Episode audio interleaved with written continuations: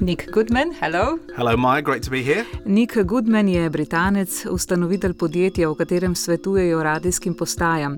Njegovo področje je nekako pravo razmerje med glasbo, govorom in vsebino, še posebej podrobno pa se posveča jutranjim programom radio. I learn new stuff every day, so I work with some fantastic radio stations around Europe, around the world. Vsak dan se uči novih stvari, dela s fantastičnimi radijskimi postajami v Evropi in po svetu, pravi, in države, po njegovih besedah, brez izjeme tekmujejo v tem, katera bo na področju radijske produkcije bolj inovativna. Domiselna je Poljska, sveža Francija, še vedno pa so zanj na prvem mestu britanski radiji. Pogovor z njim sem začela z izzivom, da mi predstavi nekaj najboljših radijskih praks, kar jih je slišal nedavno. Naprimer, zadnji zares dober radijski pogovor. Best interview. Well, I'll cheat a little bit on this and, and, and group them all in together. There's a program um, on BBC Radio 4, which is one of the longest running. Spomnil je na oddaje Desert Island Discs na programu BBC 4, ki jih vodi Kirsty Young. Ena najstarejših oddaj, ki neprekinjeno poteka že 70 let, ima preprosto zgradbo. V uro dolgem intervjuju gost pripoveduje, katerih osem albumov bi vzel seboj na samotni otok. Način pogovora pa je tako dramatičen in ganljiv, da se počutiš skoraj kot na zofi pri psihiatru. Odaje so mu pravzaprav tako dragocene, da bi jih kar sam vzel s sabo na samotni otok, če bi se že moral odločiti. And my luxury item would be um, an iPod filled full of the back catalogue of Desert Island discs that goes back right until the 1950s. Takole je naprimer zvenelo, ko je pri Krsti sedel legendarni Stephen Fry. But I have this other pull, which is to be apart from. Le gole besede, go zvok in ničesar drugega. And, and I think that's what sort of often tears me apart, because I've never joined in. Na to ga vprašam o najboljši tehnološki rešitvi, ki jo je radio uvedel v zadnjem času. For me, the ability for morning shows, particularly, to, to just press one button and instantly turn it into uh, a, a live video stream that's. Največji tehnološki oziroma digitalni preboj na področju radia so po njegovem video prenosi v živo. Možnost, da med jutranjim programom le pritisneš na gumb in v svojo sredo spustiš poslušalce, je skoraj magična, pripoveduje. To je tako, kot da bi razgrnil zaveso v zadje odra, zato je možnost živih prenosov radijskih vsebin prek Facebooka res največja inovacija zadnjih let.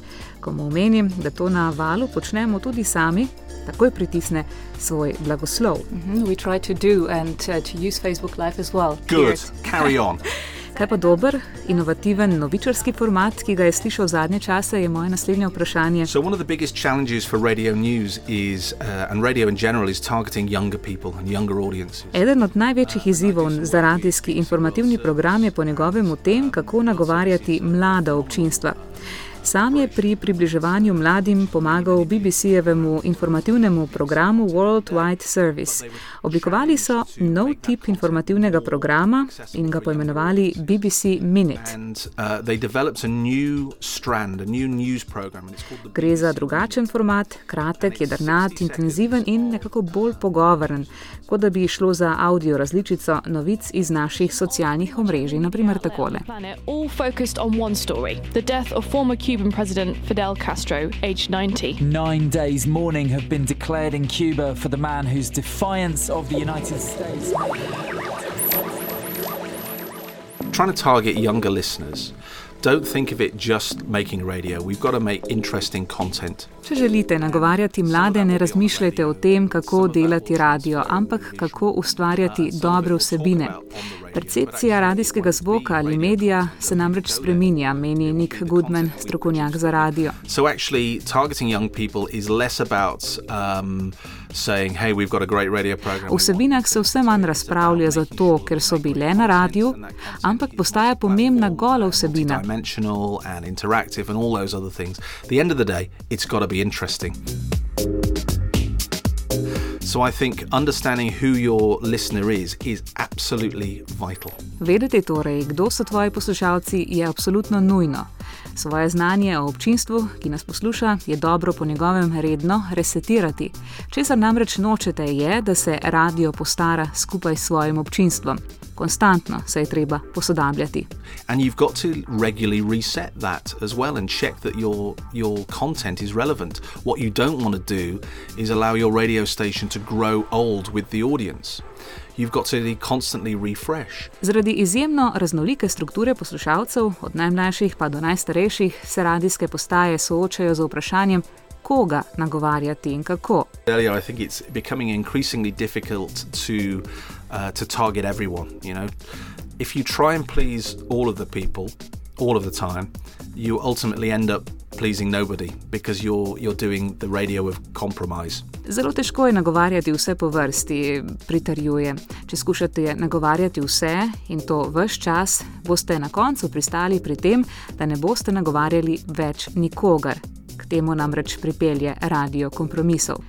Prav zato se spremenja tudi profil radijskega novinarja. Um, my first piece of advice I always say is, is you've got to be multi-skilled. Mm. It's no use coming into radio now saying, "Hey, I can uh, I can write beautifully and I can edit audio beautifully." I'll say, "Well, that's lovely, but have you got social media skills? Can you edit video?" Radijski novinarji nove dobe potrebujejo široko podkovanost v najrazličnejših spretnostih in znanjih, opisuje.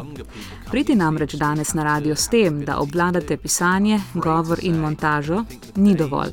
Vešči morate biti uporabe socialnih omrežij, tega, kako posneti dober intervju, kako ustvariti dobre fotografije in na to vse skupaj združevati. Zvok, video, slika, vse skupaj šteje.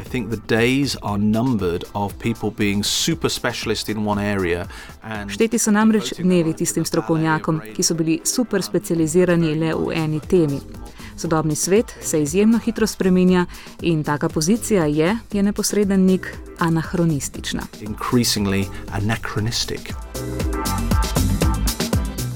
Zanimalo pa me je tudi, kakšen bo radio prihodnosti, kaj se nam bo naprimer vrtelo v avtomobilu leta 2030 oziroma 40, kakšna bo ta tehnologija. Well, I think the first thing about us sitting in our car in 2030 is one of us is probably not going to be driving that car. Najprej, najverjetneje nihče od naju ne bo vozil tega avta, se je namuznil. So I think as a result of that and the development in driverless technology means that that opens up a whole host of entertainment. To bo pomenilo, da se bo odprlo široko polje možnosti, kako se v našem vozilu kratkočasiti.